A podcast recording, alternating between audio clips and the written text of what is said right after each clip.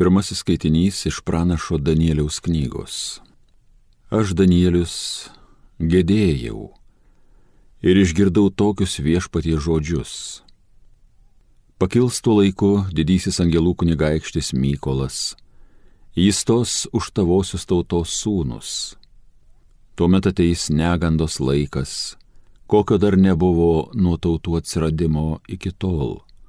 Bet tavoji tauta bus išgelbėta, kiekvienas, kuris įrašytas knygoje daug kas iš miegančių dulkių šalyje nubus.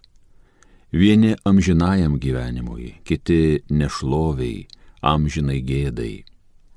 Protingiai spindės kaip dangaus skaidrynė ir daugelį išmokusiai teisybės, tarsi žvaigždės visada per amžius.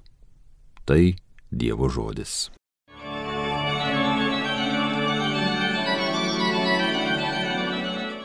Mano siela ištroškusi gyvojo Dievo. Kaip ištroškusi elnė uodžia upelio, taip mano širdis tavęs ilgisi Dieve. Mano siela ištroškusi Dievo, gyvojo Dievo. Vaikada nukeliausiu ir Dievo veidą išvysiu. Mano siela ištroškusi gyvojo Dievo. Aš vis tai menu ir širdis mano alpsta, kaip man su minė tekdavo eiti, žygiuoti į Dievo buveinę, džiaugsmo ir liaupsių balsams aplinkui beaidint, būry iškilmingam. Mano siela ištroškusi gyvojo Dievo.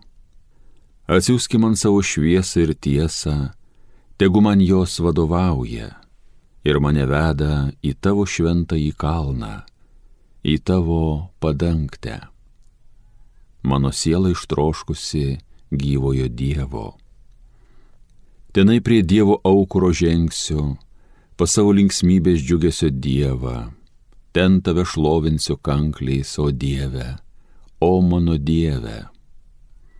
Mano siela ištroškusi gyvojo Dievo.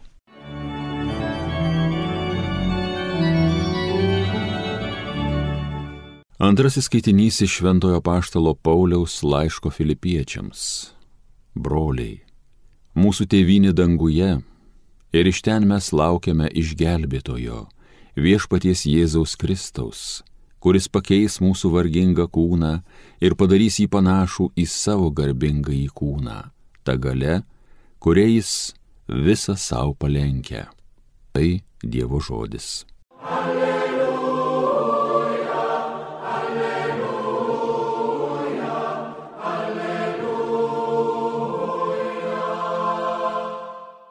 Tokia mano tėvo valia, kad nepražudyčiau nei vieno, kuriuos jis man pavedė, bet kad prikelčiau juos paskutinėje dieną, sako viešpats. Alleluja, alleluja, alleluja. Iš Evangelijos pagal Joną. Jėzus kalbėjo minioms Visi, kuriuos man duoda tėvas, ateis pas mane ir ateinančio pas mane aš neatstumsiu. Aš nužengiau iš dangaus vykdyti ne savo valios, bet valios to, kuris mane siuntė. O mano siuntėjo valia reikalauja, kad nepražudyčiau nei vieno, kuriuos jis man pavedė, bet kad prikelčiau juos paskutinėje dieną. Tokia mano tėvo valia, kad kiekvienas, kuris regi sūnų ir tiki jį, turėtų amžinai gyvenimą todėl aš jį prikelsiu paskutinėje dieną.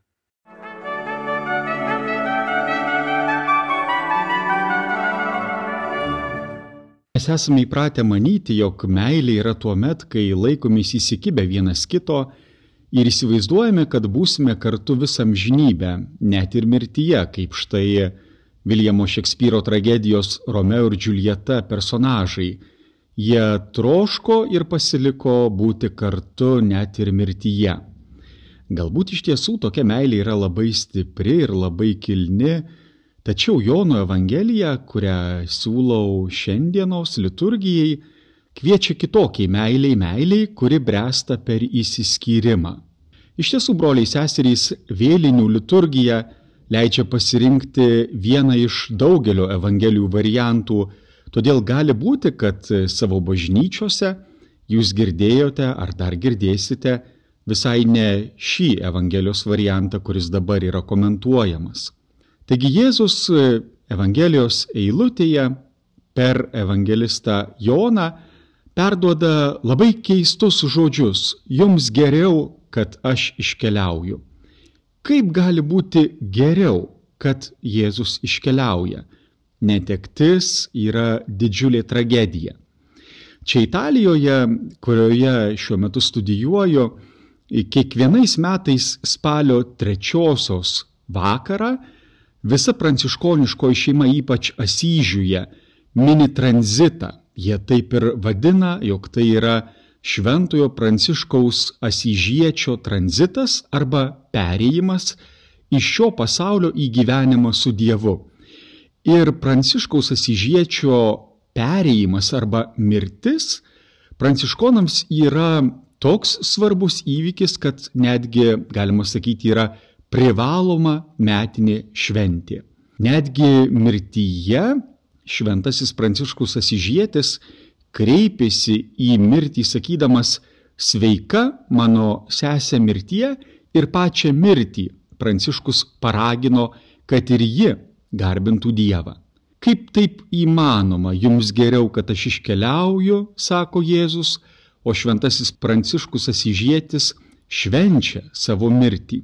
Mūsų protas neapriepia, neįstengia įvardinti tam tikros tikrovės ir ji gali būti turbūt tik intuityviai nujaučiama.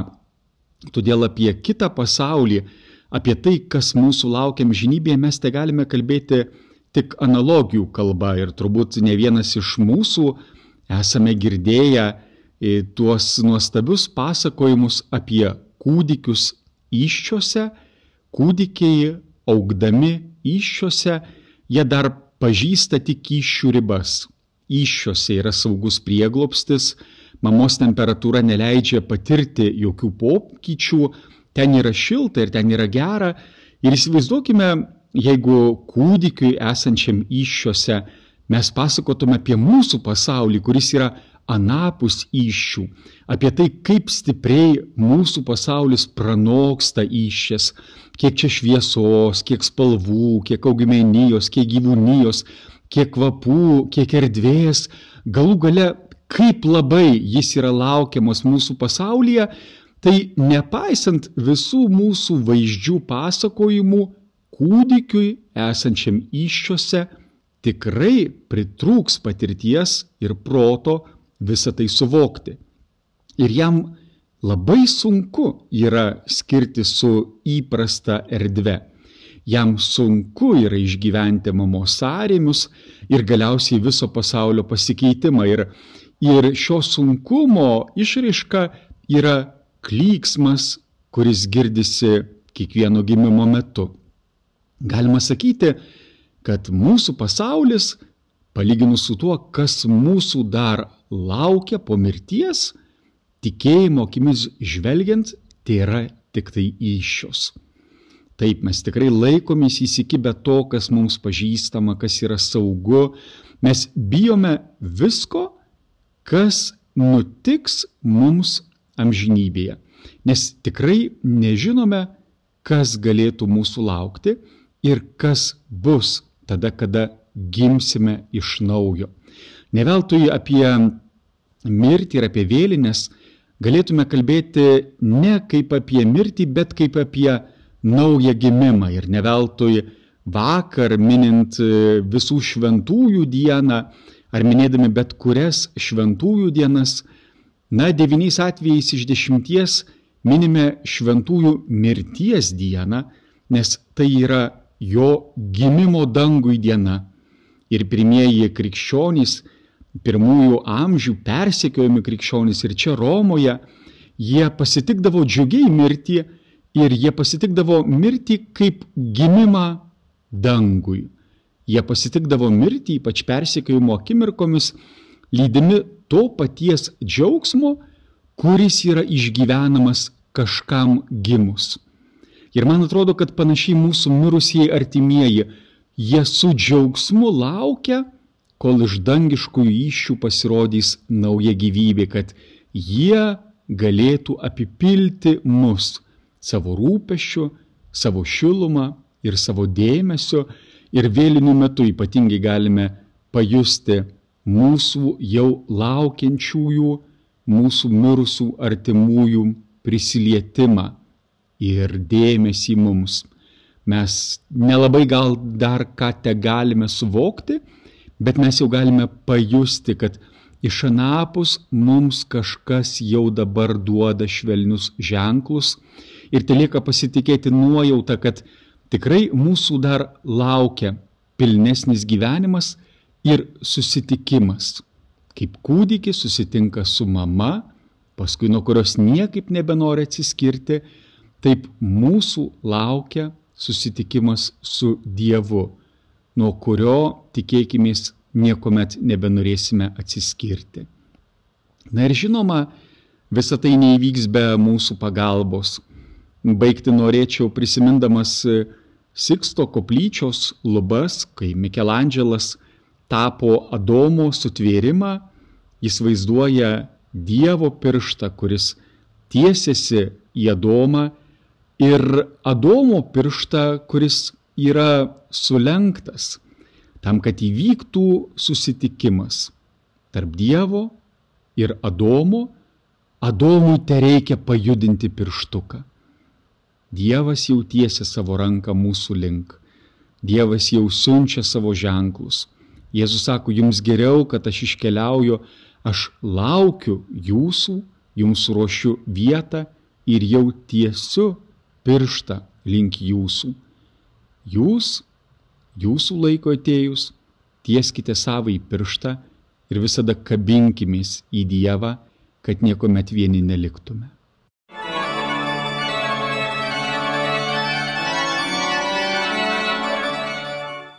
Homilija sakė kunigas Mykolas Atničenka.